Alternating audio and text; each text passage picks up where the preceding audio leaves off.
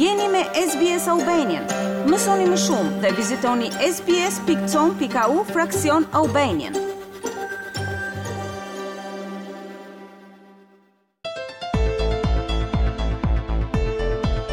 26 janari është një ditë e vështirë për shumë indigjenë, pasi u kujton dhunën dhe shkatërrimin e kulturës së tyre. Për disa njerëz, dita e Australisë është një ditë feste. Për shumë të tjerë është dita kur zyrtarisht bëhen australianë, me shumë ceremoni të marrjes së shtetësisë që mbahen në këtë ditë. Por çdo vit, zërat për ta ndryshuar datën bëhen më të fortë. Raporti në vijim shqyrton pse është pozitive për australianët emigrantë të jenë aleatë me australianët indigjenë dhe pse kjo është kaq e rëndësishme në një ditë si 26 janari. Të ndjekim raportin. Gavin Somers është një këngëtar dhe kompozitor aborigjen. Ai thotë se është e rëndësishme që populli të jetë në aleancë me aborigjenët dhe veçanërisht australianët me prejardhje migrante, të cilët arrijnë të kuptojnë më mirë historinë dhe përpjekjet e popullit aborigjen. I think it's important because we do have a real affiliation to other diverse uh, multicultural groups here in Australia and um, Mendoj se është e rëndësishme sepse ne kemi një lidhje të vërtetë me grupe të tjera të ndryshme multikulturore këtu në Australi. Ata na kujtojmë se nga vijmë dhe cilat janë përpjekjet tona, meqë ato u ngjajnë përpjekjeve dhe betejave të tyre. Aleanca me ta është një mbështetje e madhe për ne dhe për kauzat tona. Angelika Panopoulos, kryetarja e Këshillit Bashkiak të Merribek, sheh shumë aspekte të përbashkëta në historinë e popujve aborigjenë dhe të ishujve të ngushticës Torres dhe emigrantëve. I think that at its core it's about human rights and it's about empathy and it's about looking out for one another as people. Unë mendoj se në thelb ka të bëjë me të drejtat e njeriut dhe me ndjeshmërinë dhe kujdesin për njëri-tjetrin si njerëz. Për shumë prej nesh me prejardhje multikulturore, si emigrantë ose fëmijë emigrantësh, mendoj se në historitë tona familjare kemi patur shumë shpronësime. Për shembull, gjyshrit e mi erdhën në Australi nga Greqia pas luftës civile. Po të hedhim sytë pas në historitë tona familjare, do të vërejmë se kemi shumë të përbashkëta me njëri-tjetrin. Në fund të fundit ne jemi të gjithë mysafirë në këtë vend, i cili iu përket popullit të kombeve të parë dhe që ka qenë shtëpia e tyre për më shumë se 60000 vjet. Shumë komunitete tani e quajnë Australinë shtëpinë e tyre. Censusi i vitit 2021 zbuloi se mbi 7 milion njerëz kanë lindur jashtë shtetit, dhe kjo është gati 30% e popullsisë së Australisë. Të qenit një komb kaq i larmishëm mund të ketë shumë përparësi. Vashan Srinivashan është në bordin e Fondacionit të Shëndetit Mendor në Australi dhe kryetar i Trustit Bamirës të komunitetit australiano-indian. Ai thotë se çelësi është tek puna së bashku. We need to work together to achieve the best for this nation of multicultural Australia. and I had a privilege to work through a number of indigenous groups and organizations through mental health. Ne duhet të punojmë së bashku për të arritur më të mirën në këtë komb të Australisë multikulturore. Edhe unë pata privilegjin të punoja me një numër grupesh dhe organizatash indigjene gjatë jetës time.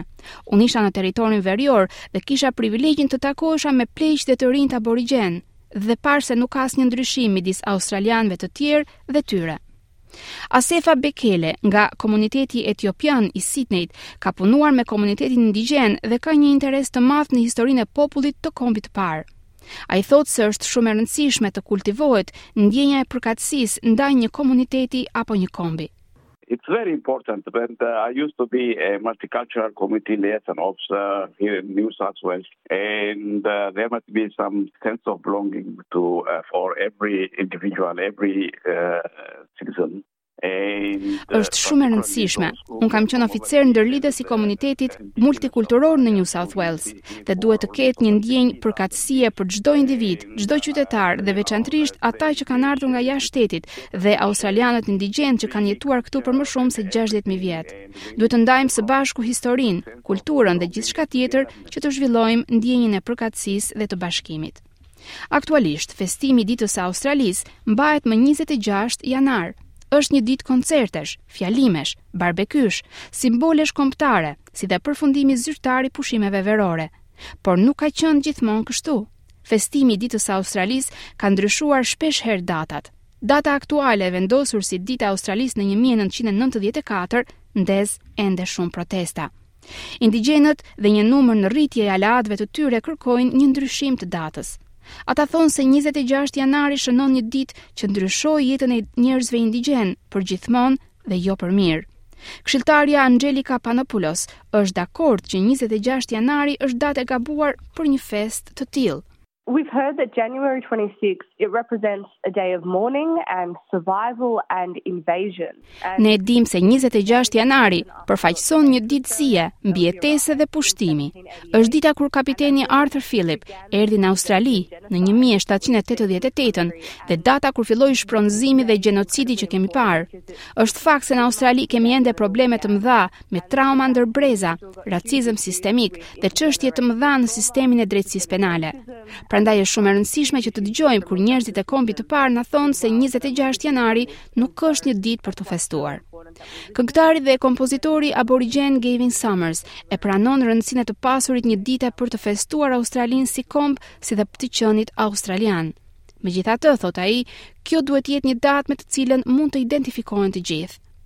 Greg Rigney, shefi i një shoqate aborigjenase, thotë se pyetja se kur duhet festuar shpesh i ndan australianët, por ai mbetet optimist. We have a great opportunity to learn, to teach and to listen as a community and as a nation. Duhet ta kapim mundësinë për të mësuar dhe për të dëgjuar njëri-tjetrin si komunitet dhe si komb, si pjesë e këtij komuniteti, Si pjesë e këtij kombi, besoj se do të mësojmë ta njohim, ta duam dhe ta respektojmë njëri-tjetrin në këtë vend që e quajmë Australi. Pavarësisht si keni zgjedhur ta festoni këtë ditë, ju lutem, mbani në mendje se si aborigjen dhe si australian, edhe unë gjithashtu dua ta festoj bukurinë dhe shkëlqimin e këtij vendi. Pyetja se në cilën ditë duhet ta festojmë këtë, shpesh na mashtron dhe na ndan, kur duhet të na bashkojë të gjithëve si popull dhe si vend. Edhe unë dua ta festoj ditën e Australisë, por jo më 26 janar, thotë ai. Pra, kush ta vendosë ndryshimin e datës? Vasan Srinivasan, i cili ka punuar me shumë grupe indigjene, thotë se e sheh të ardhmen në gjeneratat që do të vijnë.